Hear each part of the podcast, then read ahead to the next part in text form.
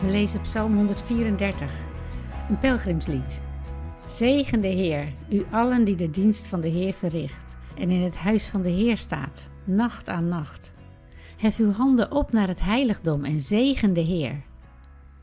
Mogen uit Sion de Heer u zegenen, die hemel en aarde gemaakt heeft. Nou, dit is de laatste pelgrimspsalm en die heeft als sleutelwoord zegen. Psalm 120, de eerste pelgrimspsalm, had als sleutelwoord afstand nemen. Een nee tegen de wereld, dat is een ja tegen God. En als het leven van een pelgrim een samen oplopen is met de Heer, dan is zegen onvermijdelijk het laatste woord. God zegent ons zo rijk met Zijn kracht en aanwezigheid, dat we als reactie Hem zegenen met onze lofprijs. Het eerste vers gaat over de priesters die zelfs nachts dienen in het huis van de Heer. Priesterdiensten liepen rond de feestdagen zelfs s'nachts door. Dus als je als pelgrim aankwam in Jeruzalem en van opwinding niet kon slapen, kon je s'nachts, bij wijze van spreken, om drie uur naar de tempel gaan en dan samen met de priesters God aanbidden. Die continue aanbidding is iets wat we in de westerse wereld wat kwijtgeraakt zijn. Ik heb een Eritrese vriendin en die vertelt dat ze ja, gewoon zijn om in haar land van herkomst eigenlijk hele weekenden, alle vrije tijd in de gemeente bij elkaar te komen en met elkaar te bidden en God te loven.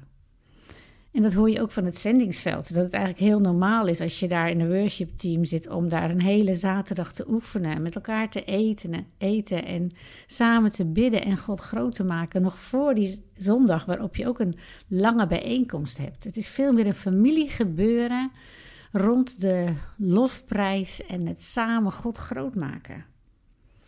Ja, kan je wel zeggen dat ik daar wel een soort van uh, jaloezie op kan voelen. Een gevoel van, oh, dat zou zo goed zijn als wij als christenen dat ook veel meer hadden.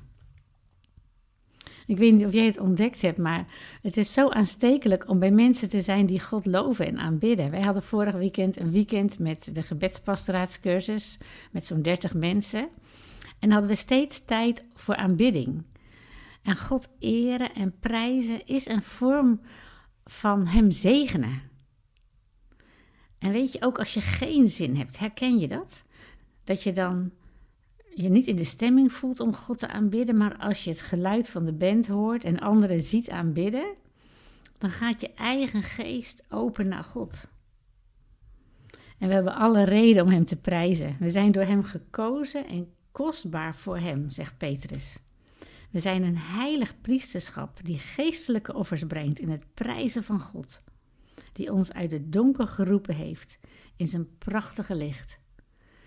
En wij danken u, Heer, dat u ons zegent en wij in antwoord daarop u mogen grootmaken, prijzen, als een vorm van u zegenen, u danken voor uw goedheid en grootheid. En dat willen we ook vandaag doen. Amen.